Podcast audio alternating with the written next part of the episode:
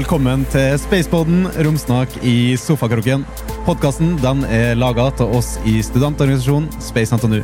Vi tar opp eh, små og store ting som kan knyttes opp mot verdensrommet, for det er det lett og interessant å høre på. Mitt navn det er Erlend Sandblåst, og jeg er host for podkasten. Og på min venstre side her så har jeg co-host Alexi Gyser. Hallo, hallo. Og i dag så har vi jo med å være podkastene, kan vi også si. Eh, Det er fra Romkapsel, altså Eirik Knut. Hei, hei. Og så har vi da Nils Johan Halvorsen. Hei, hei. Og I dag skal vi jo snakke litt om eh, bakgrunnen til dem, og hvordan de eh, møttes og rett og slett ble en eh, duo. Og så, hvis vi får tid til overs, så skal vi rett og slett bare nerde litt om Laust og fast, egentlig. Det tror jeg ikke det blir tid til. Det spørs hva som er det mest spennende. Du. jeg jeg må bare si her da, at jeg er litt sånn småsur, for dere har jo en bedre jingle enn vår. Ja, den er, jeg, tvil. hørte, til, til, til morgenen i dag så hørte jeg på den på toget, og da tenkte jeg vi, må, vi kan ikke ha Vi må gjøre Nei, vi må gjøre Det det. der- der- Vi må gjøre det. Fader, er- Altså, den, den jinglen har vi brukt eh, mye tid på Ja. å ja, fikse og komponere. Ja, ja, og så er det, er det jo litt russisk der også, ikke sant? Absolutt. Det er både amerikansk og russisk. Tenker vi skulle, vi skulle ta inn det meste fra Hva, hva, hva var det Gagarin sa? Var det Pojekali? eller noe? Pajekali, Ja, Pajekali, ja, ja, nemlig. Er det riktig, sånn riktig, Let's riktig. go. Ja, ja. Er den med i jinglen? Den er med i jinglen. Akkurat, akkurat under, under eh, yes. Produksjon, produksjonskvalitet. Ja, det er det. Det er, det er ain't us. ja, Ja. absolutt hyggelig å høre.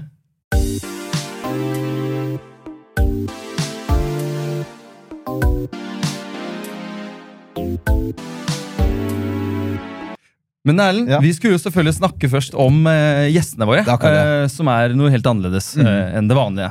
Og jeg tenker jo at altså, Romkapsel er jo noe som folk lytter til. Dere har jo en større følgerbase enn det vi har. Og, men dere snakker jo om romfart, og ikke så mye om dere sjøl. Det kommer jo litt sånn litt om katten og litt om motorsykkelen her og der.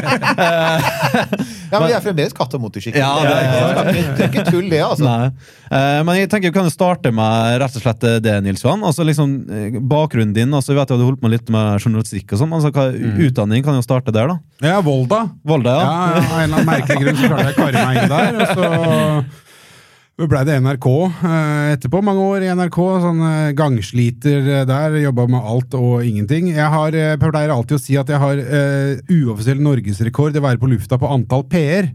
Eh, ja. P3, P1 og Ja, ja, P1, P2, P3, P4 jobba i mange år. P5 var jeg innom. Og så før jeg slutta på P4-huset, så passa jeg på å få vært innom P7 Klem. Ja. Bare sånn å si hei, så jeg kan si at jeg har vært på lufta der. Og så var jeg med å starte P6, denne tullekanalen. Uh, og så veit jeg at ting jeg gjorde på P3 back in the day, har blitt sendt i reprise på P13. Ja. Så da har jeg vært der også. Ja, akkurat det. Eh, Imponerende. Da har du- da har du dekket alt. Ja, jeg vet ikke om så veldig mange andre som har vært innom flere PR enn det jeg har. Så Ja, det er stolt, var, var, det noe, var det noe spesiell journalistikk, eller var det mye forskjellig? eller var det noe... Aldri vært noe god på journalistikk. Nei, riktig. bare Nei, studerte det. Ja, men du vet sånn, altså sånn eh, Jeg opponerer mot uh, nåtidens nyhetsjournalistikk. uh, for jeg, og jeg har aldri syntes at nyhetsjournalistikk har vært gøy. Eh, og jeg syns det er til dels tøysete, eh, fordi av liksom sånn 24-7-dekning så skal du ja. fylle tida med noe. Og det, nå høres jeg ut som en sånn utrolig bitter gammel gubbe som sitter og hytter med neven. Og det, blir live! og det beklager Du, jeg. du blir fort den bitre gamle gubben når du sa Jo. den setninga Ja, først. ja, jeg- Men ærlig talt, dette frontalangrepet på journalistikk er også veldig elonsk. da. Jeg bare minner om det. Ja, jeg skal jeg kjøpt meg en sånn lita plattform her nå som jeg skal få i gang, så jeg håper å få flest mulig folk inn på den. Så skal Ja, ja, jeg ja. ka kaste de ut så fort de er uenige med meg. Eh, nei, men det blir, mye, det blir mye fjas, da. Det blir mye sånn ting som jeg ikke syns er nyheter, som eh, blir eh, presentert som nyheter. Laga av nervøse 20-åringer som har lyst til å vise seg og vise seg fram, og hva kan hun få til? Eh, og så kan jeg bare overlate ordet til Eirik når han skal eh, fortelle om eh, hvor godt opplest den norske journaliststanden er på fagfeltet hans. Så, så kan du sette av You, you ain't heard nothing. Altså, Bitterhet det er jo ingenting mot hva jeg kom med 30 år med oppsamlet agro! Sitter bare og skriver panna Ja, penna ja, når du setter på. Men altså, gikk du rett fra videregående til Volda, da? Eller? Ja, mer eller mindre. Sånn militære og alt de tinga der sånn. Eh, men ja, eh, for så vidt så gjorde jeg Nei, jeg jobba litt, så jeg kom jo på sånn praksiskvote. Sånn uhjelpskvote Sånn, når, man ikke har gode nok karakterer. Altså, motvillig friår. eh, Ja, eller nei, det, det var ganske planlagt. Så. Jeg hadde stell på ting jeg fram til et visst punkt. Uh, nei, og så ble det Så tenkte jeg at eh, nei, nå skal jeg starte for meg sjøl, og så jobba jeg sammen med ei som vi ikke jobber med lenger, som var på en måte grunnen til at vi møttes. Ja, for det er litt av neste, neste Ja, ting vi ja. også skal snakke om. Det var veldig naturligvis. usannsynlig greie, Ja. egentlig. Ja, for, for, for det med romfart generelt, bare for, før vi går over til hvordan dere ble en duo og alt det der. Uh, romfart i ditt liv, hvor har det vært? liksom? Det- Sci-fi. Sci-fi. Sci-fi. ja. Ja, ja, i all hovedsak. Over sånn medium, eh, middels pluss interessert i romfart. Alltid vært fascinert av verdensrommet, det sier alle. Mm. Uh, så det er egentlig litt sånn tilfeldig, og det kommer jo ganske tydelig fram. eh, føler jeg i podkasten også, at jeg kan jo ingenting, og alle som sitter her, så er det jeg som har færre studiepoeng, inkludert oss og alle i salen her. Så, så skal jeg egentlig bare gå etterpå og støvsuge her. Men, men likevel så har dere en, en podkast sammen. Og det, hvordan, ja, hvordan gikk det?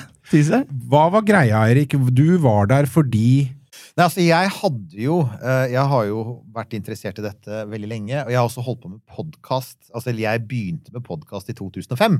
Ja. Så, så ja, det var en av, de, en av Norges aller første podkaster, faktisk. Det var det vi fant ut når vi Ja, ja. måte å lese litt opp på det. Ja, ja, det stemmer det. Først ut med e-bok og Superstreng. Vi startet egentlig med en sånn generell vitenskapspodkast som opprinnelig het Supertanker, til advokaten til et reklamebyrå som jeg ikke vet om fins lenger, plutselig tok kontakt og sa nope.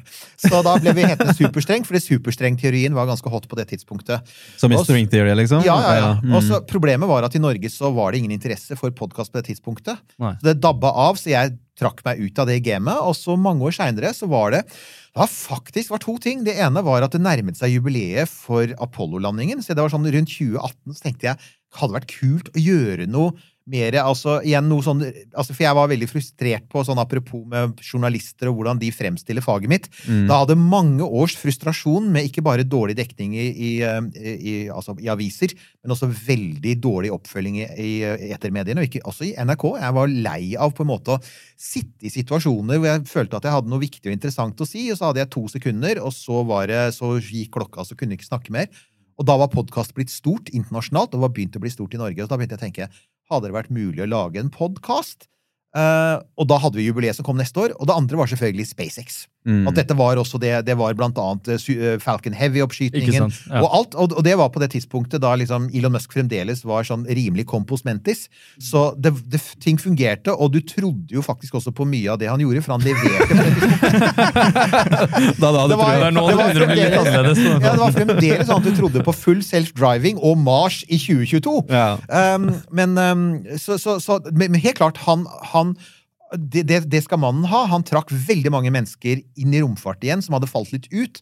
Fordi, husker du, romferja var parkert. Amerikanerne fløy opp med Soyuz. Det er ikke noe veien med det, men Soyuz er fra 1967, ikke sant? Ja. Og, og, og det var som det var, Selv noe modernisert, men det er litt eh, modernisert, men dog. Det er liksom sånn.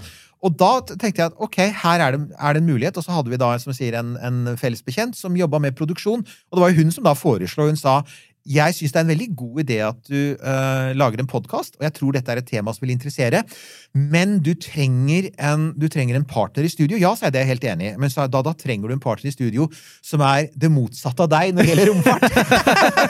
Og det var sånn det ble med Ja, ja, ja. Og jeg har akkurat mannen, sa hun, og han har dessuten innmari god kompetanse på produksjon, på lyd, for da tross alt, vi har jo ikke hatt enorme produksjonsbudsjetter, så vi har måttet gjøre veldig mye sjøl.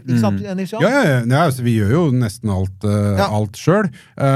og det var vel liksom For jeg husker at du var eh, på et møte der, så, eller var oppe og møtte Pia, og så var jeg der også. Og så gikk vi ned i studio og lagde en liten bare sånn test, sånn, sånn typ kvarter etter at vi hadde møttes, og så for å se om det funker. Eh, og så viste det seg at det gjorde det. Ja. Og da, så der og da så bestemte vi oss egentlig for at ja, men dette kan vi gå for. Dette kan vi gå for.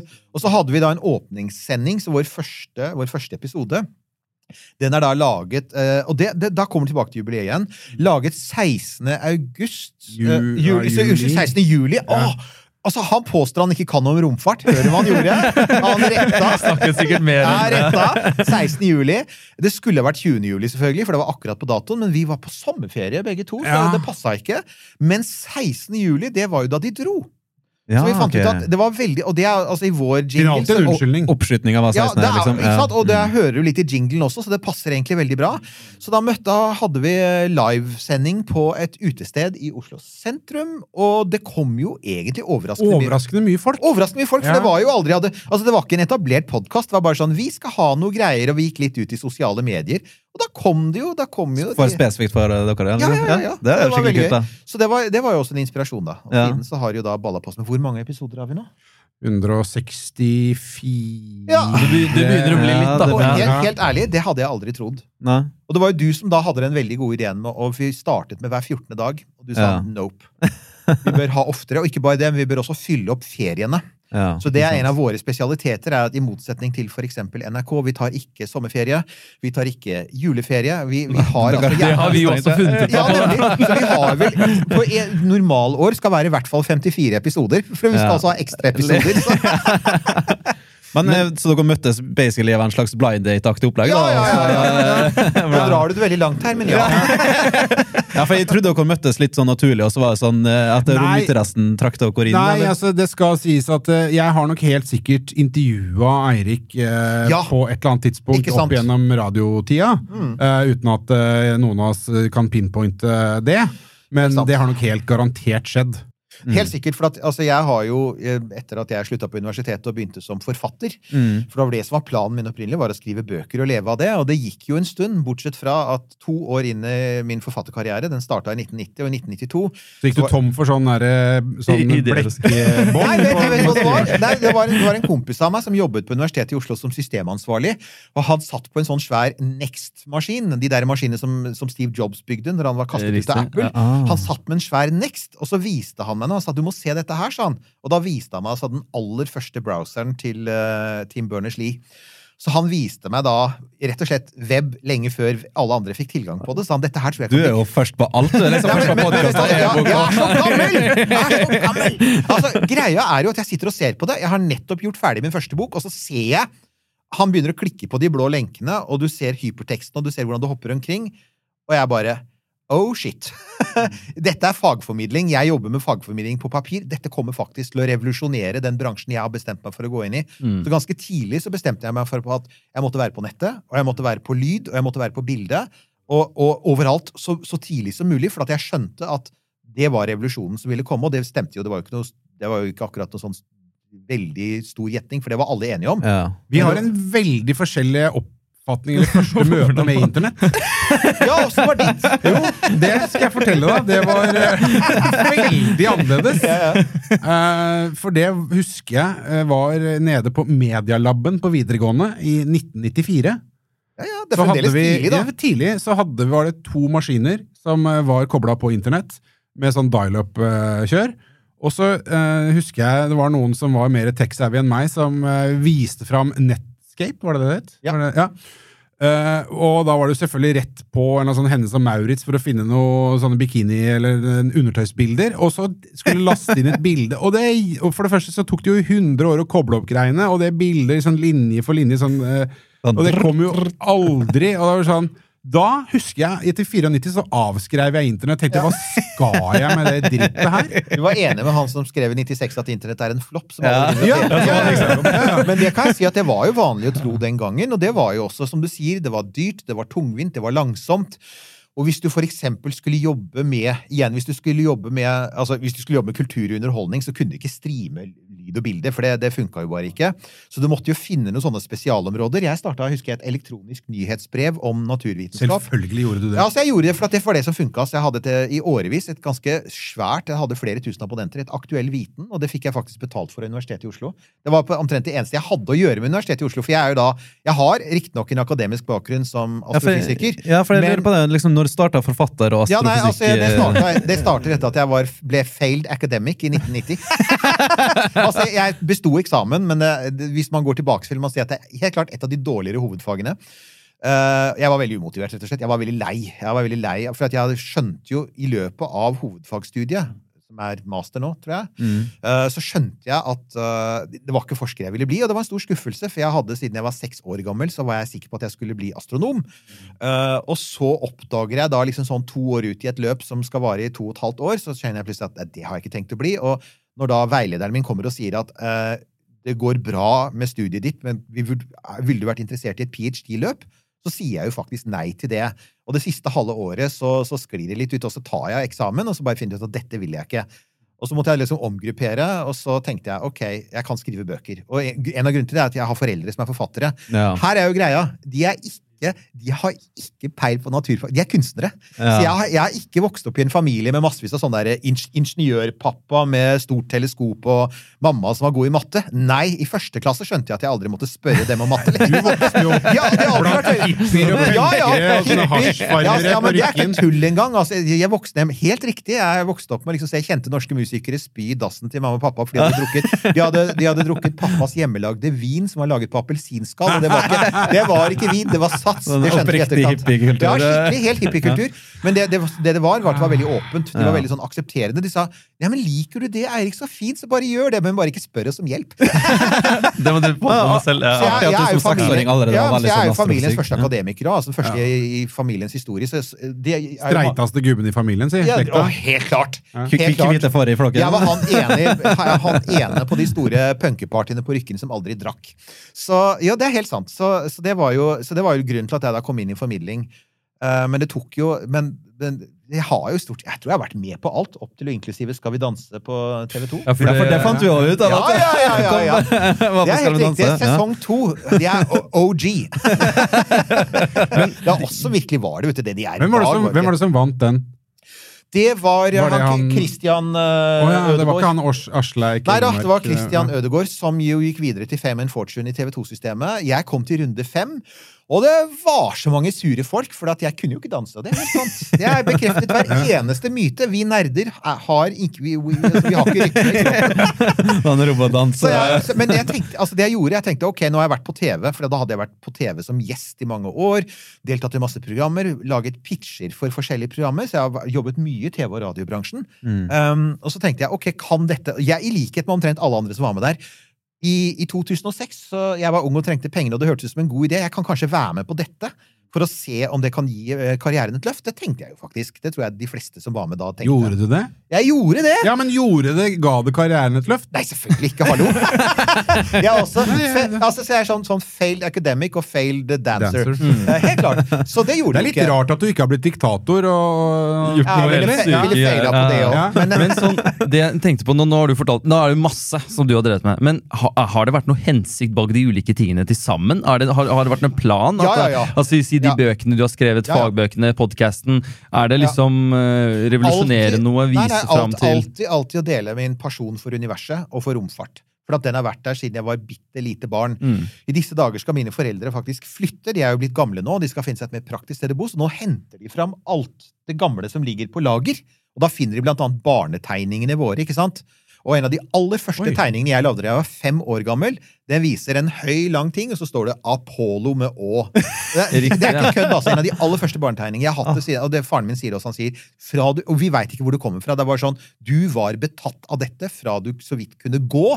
Og, og det har du vært hele livet, og det er helt sant. Og, og så tenkte jeg bare, ja, men som dere også veit, altså, space er for kult. Ja, det er, det er det verdensrommet er nesten alt som er, og det er det beste som er. Og jeg må fortelle folk om hvor fantastisk det er. Og det er det som er det jeg holder på med. For det, det er slik jeg tolker det, kan du rette på meg hvis jeg sa feil, men altså, du, både liksom forfatter, e-bok, podkast, Ja, ja. du deltar, du er med i panel her og der, og du er, er journalistikk, så det virker som at du har sånn veldig sånn passion for vitenskap og romfart og alt Ja. det der, også at du ønsker å formidle, og spesielt, du har jo skrevet mange for barn og unge, og liksom å Ja.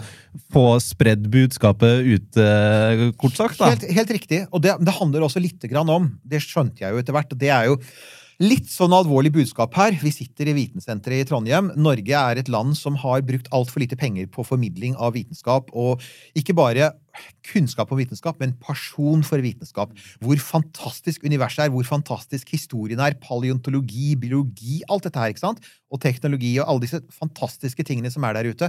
Og så mye som har skjedd de siste 30-40 årene. Vi vi har vært gjennom en gullalder i vitenskapen. Vi er midt oppi det. Mm. Og så har vi brukt altfor lite penger på det. Så Vitensenteret her er et veldig godt eksempel på en sånn typisk norsk formidlingsinstitusjon Nå ble jeg veldig byråkratisk, men jeg må bare fullføre dette. Det, jeg kan si jeg har også prøvd å gjøre dette. Jeg har prøvd å jobbe politisk, jeg har sittet i råd og utvalg, jeg har sittet i Kulturrådet, sittet i styrer i foreninger. I alle år så har vi forsøkt Vi har vært en gjeng med entusiaster som har forsøkt å pushe dette. Jeg var også med på å grunnlegge et av de første vitens, altså det første vitensenteret i Norge. altså Oi. Teknisk museum, ja. Jeg var involvert i startprosessen der. Jeg jobbet der tilbake på 90-tallet.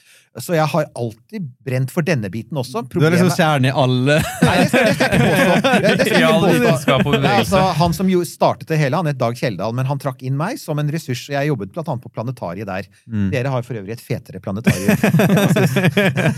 Men, det, men altså, der, der må jeg si at en av de problemene, eh, problemene som jeg syns Og som jeg syns sånn, sånne ting som for eksempel dette her, da, som Spacepodden svarer på, og Mm. Space NTNU og, og alle de underorganisasjonene som dere har her Ja, hvor mange har dere, da? Så, ja, Altså, vi er, det er jo ikke underorganisasjoner, Ja, det er medlemsorganisasjoner. Det er viktig å få få fram. Ja, det, eh, Dere, altså, tre, dere trenger en egen organisasjon for å organisere organisasjonen deres. Just ja, altså, saying. det, ja. ja, Regelrådet finnes faktisk det på ekte. Det, er- det er noe.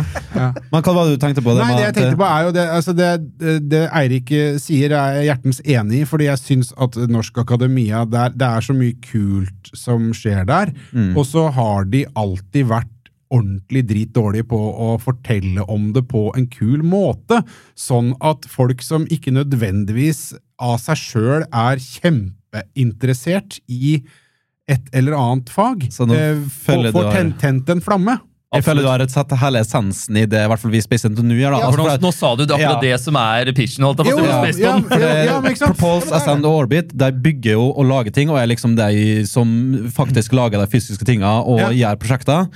Vi er de som formidler, lager arrangementer og sånn. Podkasten vi prøver å få fram budskapet Og så syns til andre. er, så syns jeg, da syns jeg det er litt trist at det er eh, At det må være på en måte et privat initiativ fra Ja. studentene. Jeg syns det er trist at det ikke er en del av strategien til uh, rektor uh, Gubben Hei og frøken Fru. Kunne ha sendt dere til rektor Ja, det- er en del av det, og det er jo litt sånn som litt sånn der, Og det er uhuhu, så skal ikke vi sitte her og gråte våre tårer, men det er liksom da vi starta podden, så tenkte vi ok, men herregud, vi har funnet en nisje her. Her må det være muligheter for å få litt eh, bidrag rundt det her for å liksom løfte greiene. Og det er bare stengte dører overalt. Og, og vi får sånn der, det, blir sånn, det blir som å gå ut eh, i Covid-Norge og klappe for sykepleierne. Altså, Det er veldig hyggelig, det, men altså, du kan jo ikke spise klapp. Eh, det er litt, Snakke det er litt samme greia, da. Ja, ja. Men det verste av alt, det jeg synes det aller tristeste med det, er jo at det er anerkjent at dette landet her på veldig mange områder ligger etter andre land, at vi står- stiller dårligere i STEM-fagene for eksempel, dårligere rekruttering. Vi har nettopp tapt en astronautrunde i ESA, for eksempel, der vi har en veldig bra rant-episode med Nima Shahinian der. Den er veldig, ja, men han er inne på det samme. Han er, Nima gjør jo Han nå det jobber samme jo som han dere jobber gjør. med det. Han jobber med det samme. Han forsøker å spre denne personen. Og han igjen, det er på eget initiativ, det er privat initiativ. Det mangler altså ikke på penger i dette landet, det vet vi. Det mangler heller ikke på penger til institusjoner. Jeg bor i en by hvor de har bygd museer og biblioteker nede i strandkanten for 30 milliarder kroner de siste 20 åra. Det er helt Helt vanvittig. Og samtidig så har Teknisk museum oppe ved Langt oppi i Gokk, ved Markagrensa, har altså, ja, men virkelig, altså, de, de har stort sett det samme utstyret som jeg i sin tid var med på å hjelpe til med? Det, det, det, er så, det er så Men her, her er da Nei, det er din private kolleksjon der oppe. Det er de gamle PC-ene dine sånn faktisk som står der oppe. sant? Men her er jo da greia. Dette Universitetene i Norge klager hele tiden over lave budsjetter, og det jeg sier er det gjelder space, og det gjelder grunnforskning, og det er til sjuende og sist vil de aller fleste land, de aller fleste steder, vil hovedpotten være skattebetalerne. Og hvis du vil ha skattebetalerne til å gå inn for dette her, så må du altså selge inn til dem. Dette skjønte NASA ganske tidlig. Derfor har NASA helt fra starten av har de hatt en massiv outreach. ikke sant? De er ikke bare, de er ikke bare flinke på nettet. De har i alle, for eksempel, da jeg var jeg var tolv år gammel, så ville jeg vite mer om det som hadde skjedd på Mars. Da hadde Vikingsonden Vikingsonden hadde landet på Mars. ikke sant? Så det var en svær greie. De første bildene var tatt fra Mars overflate. Norske aviser gjenga nesten ingenting. NRK sa veldig lite om det. De hadde litt Erik Tandberg. Jeg ville vite mer om det. Min far er da engelsk, så han hjalp meg å skrive et brev til NASA i USA. Så da sendte jeg rett og slett en norsk skoleelev sendte brev som sa could, could I please have some pictures from Mars? Ikke sant? Og så går det ca. så går det cirka seks uker, Og så, sier, så kommer jeg hjem fra skole, så sier pappa du, det er kommet post til deg. Det ligger på bordet ditt. Og så kommer jeg inn på rommet mitt, og så er det sånn Bang! Den tjukke mappa! Og det var jo ikke bare det var, og Alt var høykvalitet. Glossy. Wow! Bilder fra Mars. Det var brosjyrer, og det var plakater, og det var stickers. Og jeg tenkte bare sånn Til en unge i Norge, så tenkte jeg men, altså, Fra, det- direkte fra NASA? Direkte fra NASA, og det står jo da liksom sånn derre Manspace og så sånn, Damn, jeg hadde jo det jeg sparte på det året. Jeg har fremdeles liggende et eller annet, et eller annet nedi Ja, det håper min, jeg så- Ja, ja, det ligger jo der fremdeles. Men så tenkte jeg bare Men det, de skjønte det. De skjønte at der hadde de en unge i Norge Mm. som var fascinert av rommet. Og dette må vi ta vare på, så derfor så sender vi en svær og tjukk Og de hadde også penger til å gjøre det, ikke sant? Ja. Sant? Der har vi aldri vært i Norge. Og så Hver gang universitetet er ute og gråter sine bitre tårer over at de får for lite oppmerksomhet for lite penger, så sier jeg en del av årsaken er faktisk at dere ikke har bygd opp grunnfjellet. Dere har ikke fortalt norske foreldre at ungene deres bør bli gode i natur... Altså Mm, gode i mm. universitetsfag, ikke bare naturfag, men gode. Ikke sant? Og, og de, har, de har ikke greid å, å bygge opp person, per- personen. Og det gjelder som sagt på alle fag. For eksempel, vi har én gjest i vår podkast. Jeg så han nettopp i Dags 18 og var ute og snakket om gjenoppliving av dronten. Petter Bøckmann. Å, ja, ja. Og vi har hver gang vi har han i studio, sier 'gi den mannen en podkast'. Ikke sant? Ikke sant? Ja. Skjer det? Nei. Mm. Han er, han er som skapt for podkast. Men, men du nevnte nå at det var, det var lite dekning av dette på den tiden. eh, Og, eller sånn, Ja, ja. også litt nå også. Men hva, hva var grunnen til det? kan du si? Altså, hvorfor er det bare at folk ikke var interessert i Og det er jo faktisk et videre spørsmål at du har jo vært med på gjennom nesten hele romkappløpet. Eh, og hvor, hvor, hvor, hvor! Scary but true! Hører du den? Hører du? Og, og vi sitter og ser på et publikum her hvor altså, dere var ikke engang et glimt til deres fars øye, som sa i gamle dager. Dere, dere var til de grader ikke-eksisterende da vi, disse tingene vi snakker om, skjedde. Ja. ja, og da, da er liksom spørsmålet hvordan var egentlig dekningen av det? Og hva, hva husker du fra det her? Hvordan har, måte, har Ja, det, det- utviklet seg på en, Altså, til jeg å bli noe annet? jeg var heldig i to forstander. For det første, dekningen var veldig sporadisk. Eh, Du hadde, du hadde sånn sagt Sputnik ble vel dekket, eh, og Jo, jo, de, og de liksom altså, første tingene. Sputnik var 57 Men det var rett før deg, ja.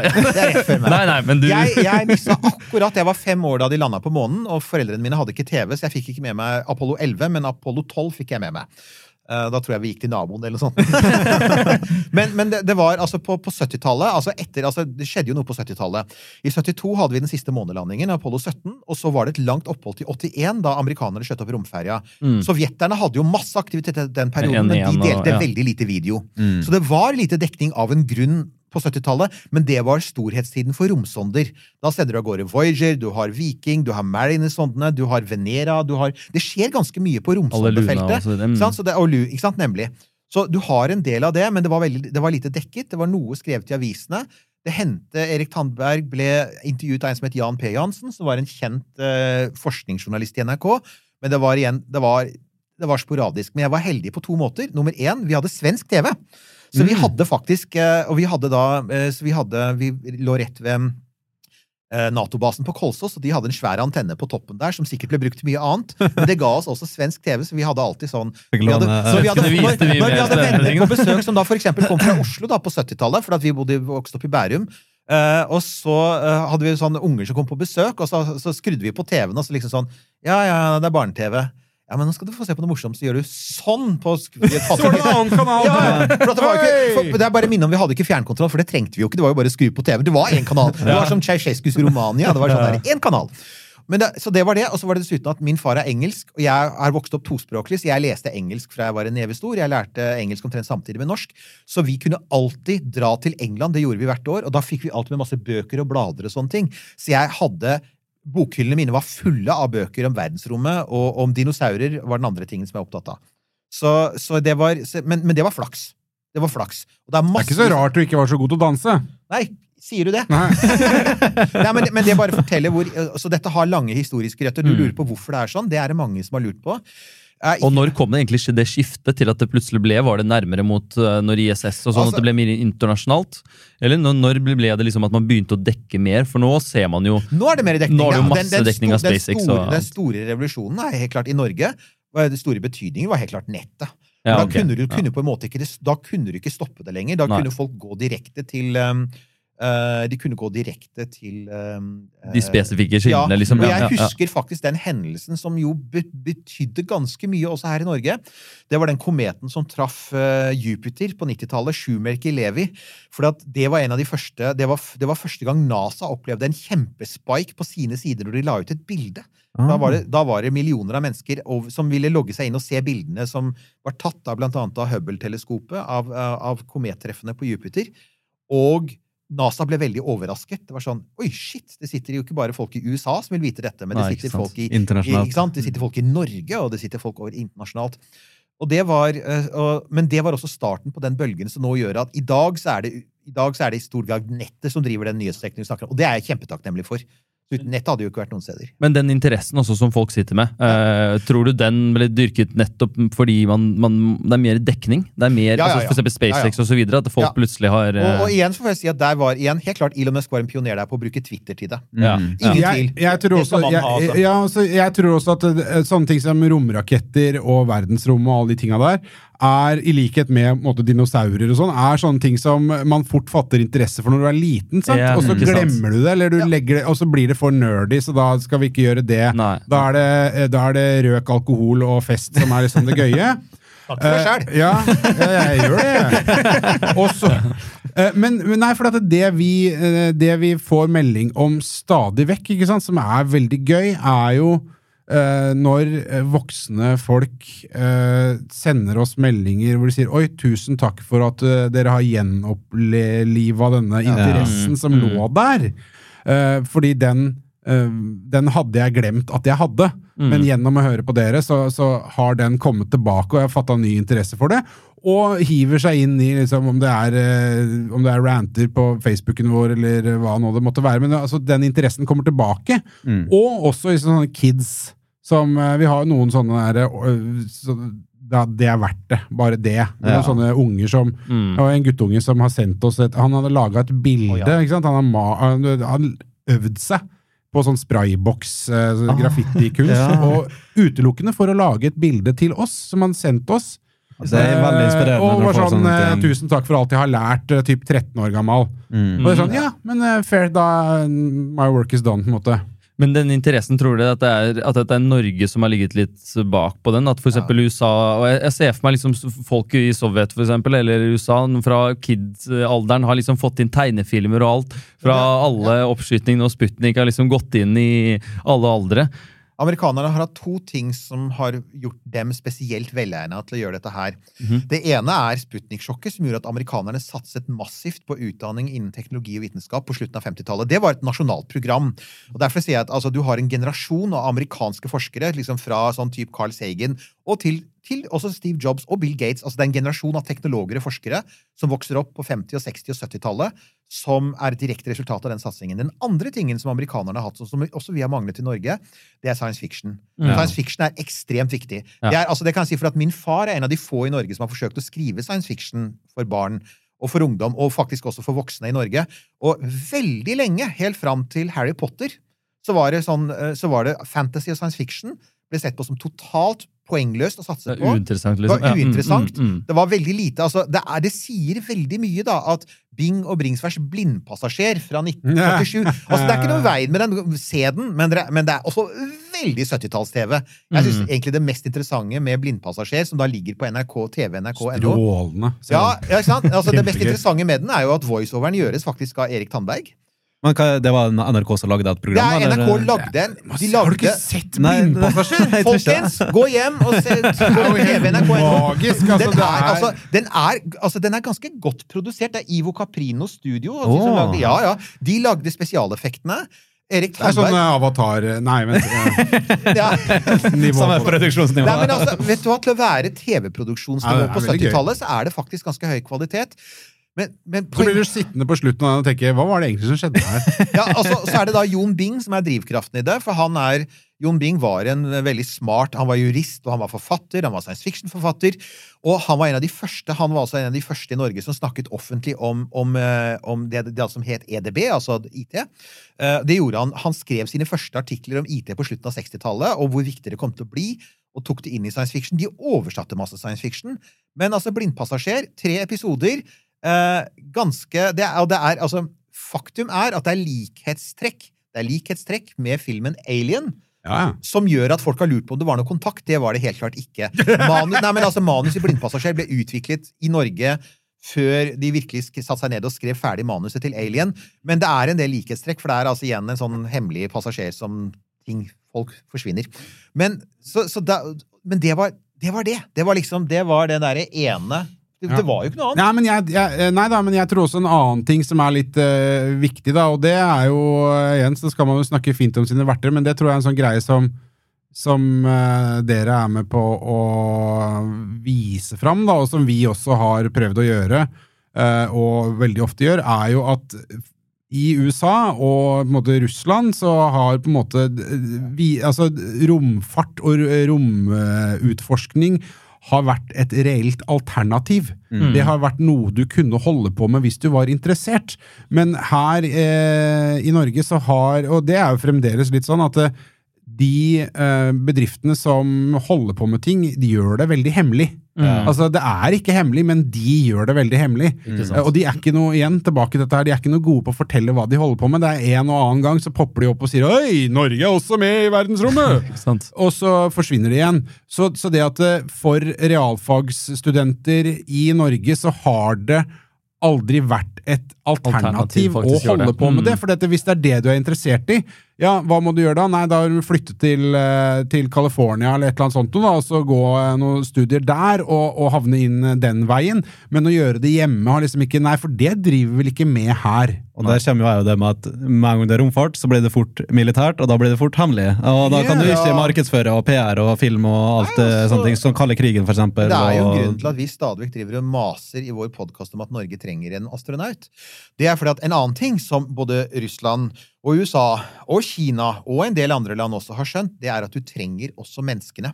Du, Mm. trenger, du trenger menneskene som kan inspirere og symbolisere det du har lyst til å bli til selv. Det har vi egentlig aldri. Og det tror jeg, der tror jeg litt som man alltid snakker om den norske småkårsholdningen.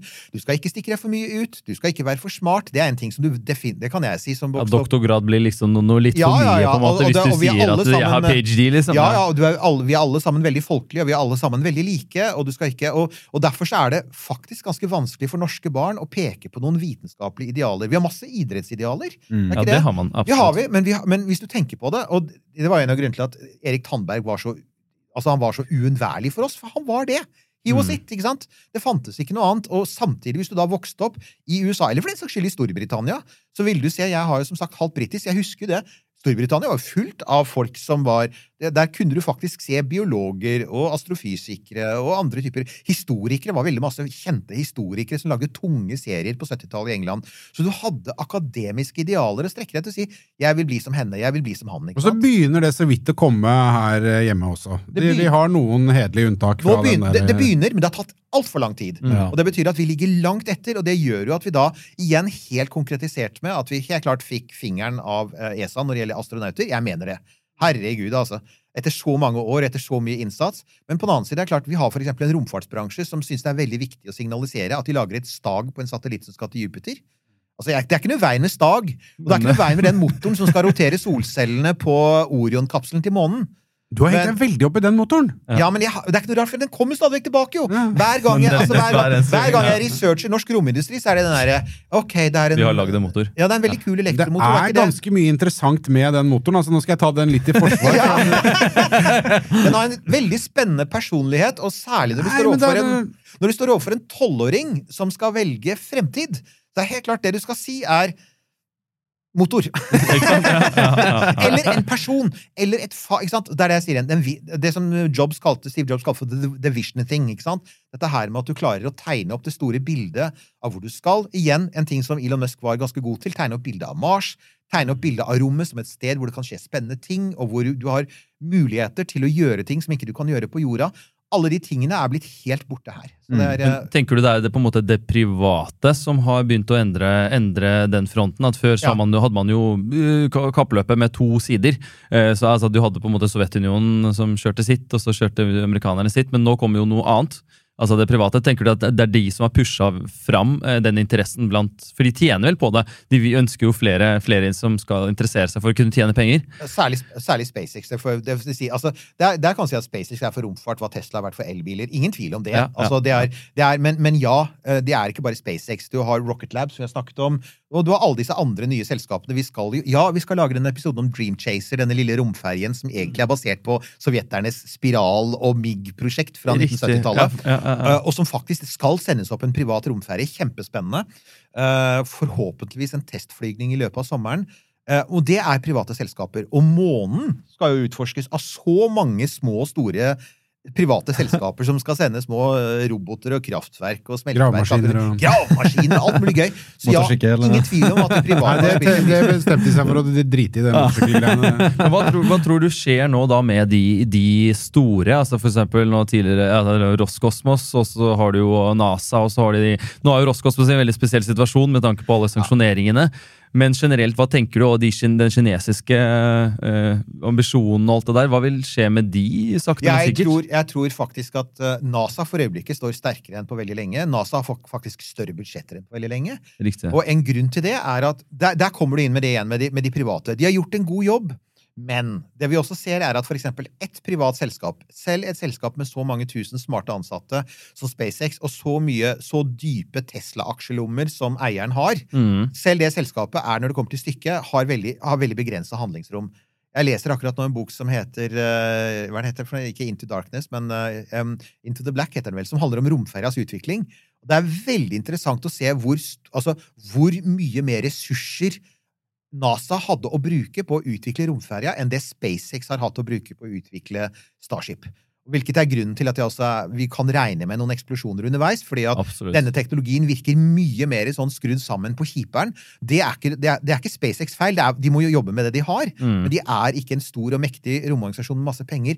Og et nettverk, det glemmer vi. Men NASA er ikke én organisasjon. Det er hundrevis. Det er et nettverk av forskningsinstitusjoner. JPL og, ikke sant, og Marshall Space Flight Center og massevis av koblinger til privat sektor og massevis av gamle, gamle, gamle etablerte strukturer som de kan trekke på.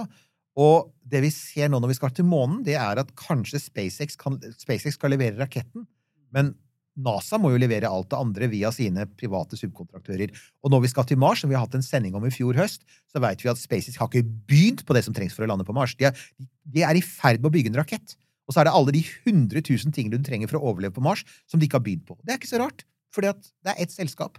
Så jeg tror NASA står sterkt. Jeg, jeg mener at hvis, Mm. hvis, det, hvis Elon Musk skal lande mennesker på Mars i løpet av ti år, så kommer halvparten av den teknologien kommer til å være ting han har fått fra NASA. Så hvis man skal kartlegge på en måte de neste, neste ti årene, da, bare sånn eh, Ja. selskapsmessig, og hvem som skal Så tenker du NASA kommer til å holde sterkt. Men, men hva skjer eksempel med Roskosmos og det kinesiske? Hva, hva tror du Ja, Heia Kina, hva heia? Kina, heia Kina, heia Kina! Hva tror der- du skjer med de, liksom? For de er jo gigantisk på en måte fortid, i hvert fall Ja. altså, sovjeterne, liksom, men som, som Klarer de å ombygge seg på en måte, eller forsvinner det, liksom?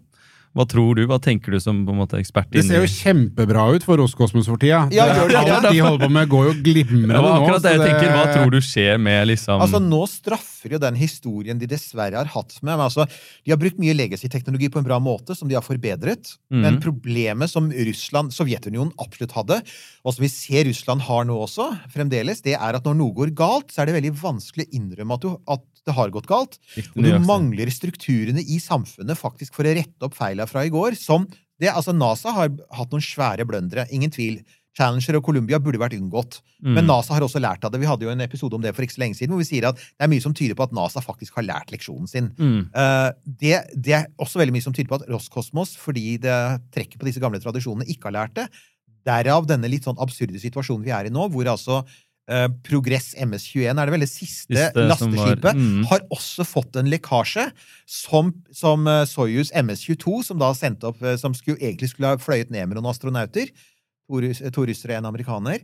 Og det er altså det er, jeg, jeg, jeg har faktisk ikke sett hva Roskosmos har sagt om det ennå, men jeg ville ikke bli overrasket om de ville prøve å snakke seg unna at det kanskje er et At ikke- kvalitetsproblem. Ja, Ikke ja. sant? Mens altså, amerikanske analytikere er helt åpne på nå. De begynner å liste opp, for det er jo ikke bare det. Du hadde den Soyuzen med hull i, du hadde den Nauka-modulen som det gikk haywire, og så begynner du å gå litt lenger tilbake til, så sier at, at Russland har hatt kvalitetsproblemer Generelt lenge. sett lenge, ja. ikke sant? Og det vitner om en kultur på bakrommet.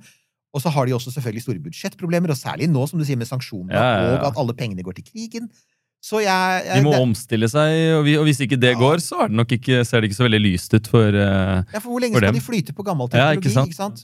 Der er jo Kina mye mer interessant, for Kina Starter nå, på en måte. Ja, er- men, men der har, dette her har vi toucha borti også, at der har du jo eh, en greie med at Kina kommer til å stå for eh, mye av den nye teknologien og penga, ikke minst. Og så henter de inn noe folk og noe, noe eh, legacy kunnskap og erfaring, eh, kanskje, fra, fra Roskosmos. Ja. Mm. Og så blir Roskosmos en eller annen sånn derre has-been som på måte Mentor, eh, eh, nesten. Ja en, ja, en mentor, men også en litt sånn, sånn gammel kjempe eh, som, eh, som prøver å Altså en blind fyr som prøver å kjøre bil litt for lenge, da. ja, ja, Eh, ja, At de kanskje bare til slutt Føler jeg, Nå har jeg sånn kjørt bil i 100 år, jeg kan det her, ikke sant? Det skal, jo, skal ja, til, men tror de, at, Ja, men ja. så viser det seg at nei, men det kan du faktisk ikke lenger. Nei. Fordi uh, allerede nå så begynner uh, både hjørnene å bli litt bulkete. Mm, mm. Uh, og, og det er ikke de beste forutsetningene for at, dette her, at de skal omstille seg i det hele tatt. Så hvis man skal være sånn ordentlig negativ på det, så, så er det Jeg har liksom tenkt å stille det spørsmålet er det, Ser vi nå starten på døden for, Ja, for det er det hele den gamle på. kjempen? da? Ja, ja, for det er det også jeg tenker, liksom, Erik, hvordan, du, hvordan vi kunne Ja. se det framover. Om Nei, de tror- kunne klart seg, eller om Nei, det ja, er nei, altså jeg tror, jeg tror, for å være helt ærlig, så tror jeg ikke Roskosmos kommer til å klare seg uten et samarbeid med Kina. mm. Og de, De har har den, allerede ja. et månesamarbeid, det skal ikke glemme. Eh, De er jo allerede enige om å bygge en base sammen på månen. Den kommer kineserne til å bygge. Eh, Vi har et, Roskosmos har et problem, og det er at den banevinkelen som den kinesiske romstasjonen går i, den er ikke 51 grader i forhold til ekvator, Mhm. som er Baikonur sin breddegrad. Eh, Den er jo eh, jeg tror det er 41 grader, og det allerede de 10 gradene i vinkelforskjell gjør det vanskelig for Soyuz å fly direkte til den kinesiske romstasjonen. Så de trenger den Vostochny i den nye Nemlig. Så de trenger, det er nettopp det. Så de trenger å gjøre noe der, men spørsmålet er om de har penger og, og kompetanse til det. Men jeg tror jo at Roskosmos beste håp om å overleve som en eller annen form for teknologisk kraft, er å hekte seg på det kinesiske lokomotivet. For bare illustrere det lokomotivet. Når vi sier at ikke det fins noen romferjer som flyr lenger, så er det tull. Det fins jo en. Den heter X-37B. Mm. Den hemmelige den er jo, altså Vi vet åssen den ser ut, men det er den amerikanske militære romferja, ubemanna, som er der oppe veldig lenge av gangen, gjør interessante ting, helt sikkert. Antagelig så sniffer den litt bortpå diverse ting. Det Riktig, ja. Mm. Det, det ikke alle er klar over, er at kineserne har akkurat det samme. De har også en hemmelig militær romferje. Og den, den flyr visstnok helt fint, ifølge amerikanerne. Det er ikke, den, eh, ikke det er, ikke er så lenge siden den landa. Med andre ord, de, vært, altså, de er helt klart i stand til å duplikere romferjeteknologi. De har allerede gjort det. Eh, De har selskap som nå jobber med det som ser ut som veldig typisk Kina-aktige kopier av Falcon 9 og Starship. Riktig. Men ja. poenget er at de gjør det, og det er en modell som har fungert for dem, bare jf. Liksom sånn elektronikkmarkedet. uh, så ja, uh, jeg tror absolutt at det kan Og, og for, for Russland så er det nok antagelig Altså Akkurat som han sier at eh, man, Russland risikerer å bli en vasallstat av Kina, en sånn bananrepublikk for Kina, fordi Kina er mye sterkere økonomisk og demografisk og mulig. militært Mm. og teknologisk. Eh, Og Russland blir i praksis en råvareleverandør til den kinesiske industrimaskinen, så kan det samme skje på romfart. Det er det som er deres beste håp nå, for alene klarer de det ikke. Og SpaceX, men hvis vi bare går til den andre siden igjen, for nå har vi jo dekket både Kina og Russland, og SpaceX med sin Starship, den eh, er jo noe som er veldig, veldig spennende. Og i år, da, eh, 2023, så har du tenkt at den skal begynne å faktisk fly litt mer ordentlig enn bare Ja. litt oppover. Hva, hva tenker du der? Er det en, en plan som er veldig ambisiøs, og hvilke kommer til å skje? Hva tenker dere? For øyeblikket virker ikke planene så veldig ambisiøse. For øyeblikket virker det som de nå prøver å få den opp. da. Ja, For nå har de snakket om det i ganske lang tid. Det var vel Sommeren 2021 så var jo Elon ute og sa nå skjer det noe snart. Og så hadde vi en sånn Det gjorde det sikkert. Ja, Skjedde det. Nei, men altså, Det er helt tydelig at de sliter mye mer med utviklingen enn det de hadde forventet. Mm. Alle som kjenner romhistorien, vil si at det er ikke noe unormalt med det som skjer med Starship nå. Eh, akkurat nå så er den inne i et helt normalt utviklingsløp. Med andre ord, det tar 5 til 10 til 15 år å bygge en stor rakett. Og nå har de egentlig jobba med den konseptuelt i ti år, og i hvert fall fysisk og praktisk i fem år. Og ikke overraskende så er det motorene som lager problemene. Motorene var et av hovedproblemene for romferja. Motorene var et av hovedproblemene for Saturn 5. Dette er helt normalt. Det det, det, Det, som er unormalt her, er igjen at det er et ganske lite selskap med ganske få ansatte, og ikke så mye penger som folk tror at de har. Og det gjør at de må ta noen snarveier. Så nå hadde de nettopp en såkalt eh, full static fire. Det vil si at du satte hele super heavy førstetrinnet på en ja, på den der plattformen som igjen ser ut som en sånn der T-holder. tekanneholder, og så altså brant de da rakettrinnet nå for noen dager siden. Det var samme dag som vi gjorde opptaket vårt, så vi måtte da liksom sånn ta høyde for det i, eh, i vår eh, i sending om at vi vet ikke helt åssen det går. Nå vet vi at det, det gikk sånn halvveis. De mista to motorer fra testen. Eh, Det var ikke en full fire, det var fem sekunder av til sammen 180 som de egentlig bør brenne, og det var 50% styrke på rakettene. Så sovjeternes N1 er fremdeles den kraftigste raketten i historien. Riktig. Men, men, men, men de prøver på en måte å bruke samme tankegang som N1-raketten med flere motorer. Det, det, det prøver de, men ja. for å kunne gjøre det altså det, det faktisk Da det, Da var jo ikke Koroljov i live lenger, men, men da de testet N1, så hadde de altså faktisk tilgang til testanlegg med flammegroper som Saturn 5 hadde, og som også romferja hadde, og som også SLS har hatt. Det har ikke SpaceX. Nei, Og de, har jo først nå ettermontert et vannanlegg. Du må pumpe vann inn for å dempe sjokkbølgene fra lyden av rakettene, for at ikke rakettene skal ødelegge seg selv. Det monteres nå. Eh, Det har vært stor usikkerhet omkring betongen som er rett under raketten, om den tåler det enorme trykket.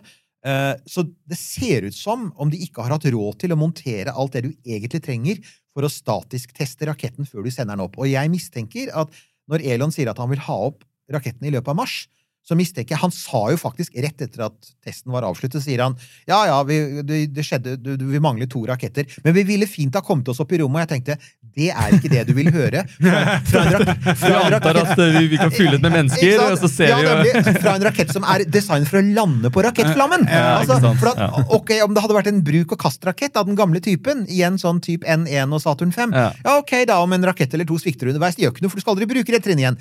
Dette trinnet skal rett ned igjen og lande på Starbase, Ikke og sant. helst ikke rydde der sånn og rive med seg helt. Så Og helst det- ta med alle de som er på, på den. På ja, og, og det jeg kan si er, altså NASA følger jo dette med interesse, for at det skal lande, denne raketten skal lande mennesker på månen. Helst om to år. Det vet vi ikke skjer. Mm. Det, det er ikke tale om. Det er ikke, Nei, det er ikke, det er ikke, ikke ikke. innafor tid i det hele tatt. Uh, Gwyn Shotwell, som er den voksne i rommet, og som driver SpaceX alle, som, som alle sier, altså Tesla trenger en Gwyn Shotwell. Uh, Gwyn Shotwell, kjempeflink dame. Hun har drevet SpaceX uh, veldig bra i alle år. Det er hun som liksom holder businessen gående. Uh, hun sa jo nettopp, hun bekreftet jo nettopp at det som har vært sagt før, Starship kommer ikke til å skytes opp med mennesker før det har fløyet flere hundre ganger. Ja, ok, så, så det er ikke sånn du tenker at den allerede Fordi de hadde jo tenkt allerede at det kunne skje om ikke altfor Ja, lenge. Jared Isaacman, ja, han der. Inspiration 4, bestekompisen til Elon, han sier at han skal snart opp. Uh, Gwyn Shotwell Snart er en relativ størrelse, da. Det, Ja, ja. det Nei, altså, Alex Rosén skal jo også snart opp. Ja, jeg Alex produserer jo podkasten sin hos uh, Bauer. Og hver gang er, når vi er på Bauer og lager, så hender det jo at Alex er i studio. Hvis han ser Han meg, så er han der fortsatt. Han er, det. men, altså, han er det. Men, men altså, hvis, han er i studio, hvis han er i studio når jeg er der, da så er det alltid sånn Eirik, kom inn, da! Nå må vi oppdatere!' altså, sånn, og de siste gangene så er det sånn du, 'Ja, Alex, jeg vet du gjerne vil til Mars før 2030, men jeg, jeg tror du kan si nå Selv Elon sier at det er lite sannsynlig. Så jeg tror du må belage deg på at du kommer til å være litt eldre enn det. Ja, sånn. jeg tror at eh, godeste Rosén, hvis han kommer opp, så er det på en eller annen sånn geriatrikvote. For at det er vel ikke med, med det helt første. Men han har vært med på den der 16 ukers helvete. Ja, han har jo trent. eh, Sammen med Nima! Ja, sammen altså, med Nima. og da, hvis du har lyst på konspirasjonsteorier, så er liksom Nima Shahinian trener Alex Rosén. Jo da, man mener alvor. Men, uh, Men spørsmålet er jo hvor lenge kan eh, SpaceX holde på å, å pusse på den eh, enorme raketten sin Ja. før de går tom for penger. Eh, Før det må for enn så annet, lenge ja. så har de jo ikke noen kunder annet enn seg sjæl, og internfakturering kan du bare holde på med så lenge. og, faktisk veldig og, og ja da, Elons lommer er dype, men han har nettopp kasta bort 44 milliarder på et tapsprosjekt. ikke sant? ja, ja, så, så, de er ja, ikke uendelig dype. Og, og, uh, så, så det går heller ikke. Og vi, så vi veit jo, og dessuten eh, Starship er nå hovedsakelig ment å skyte opp eh, Starlink versjon 2. eh, Som jo, og Starlink er jo nå begynt å bli interessant for Norge, for at vi da nå stadig ser disse togene av satellitter fly Flyr, eh, retning nord, ja. sør over Norge. Og hver gang det skjer, så er det en eller annen nettavis som sier ufoer!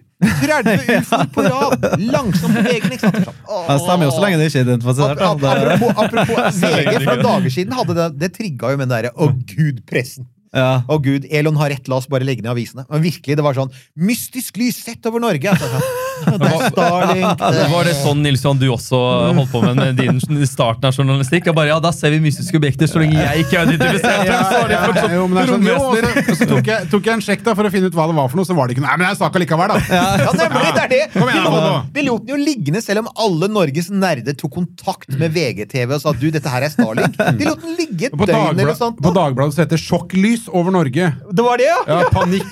Panikk! Men det er jo sånn, eh, Neil deGrasse Tyson har jo ofte den der bare, Ja, det stemmer jo at det er ufo, helt til vi har identifisert det. Liksom, og alle Ja, ja, er ja. Sånn, Og nå har ja. vi disse her ballongene. Ja. Å, herregud. Å.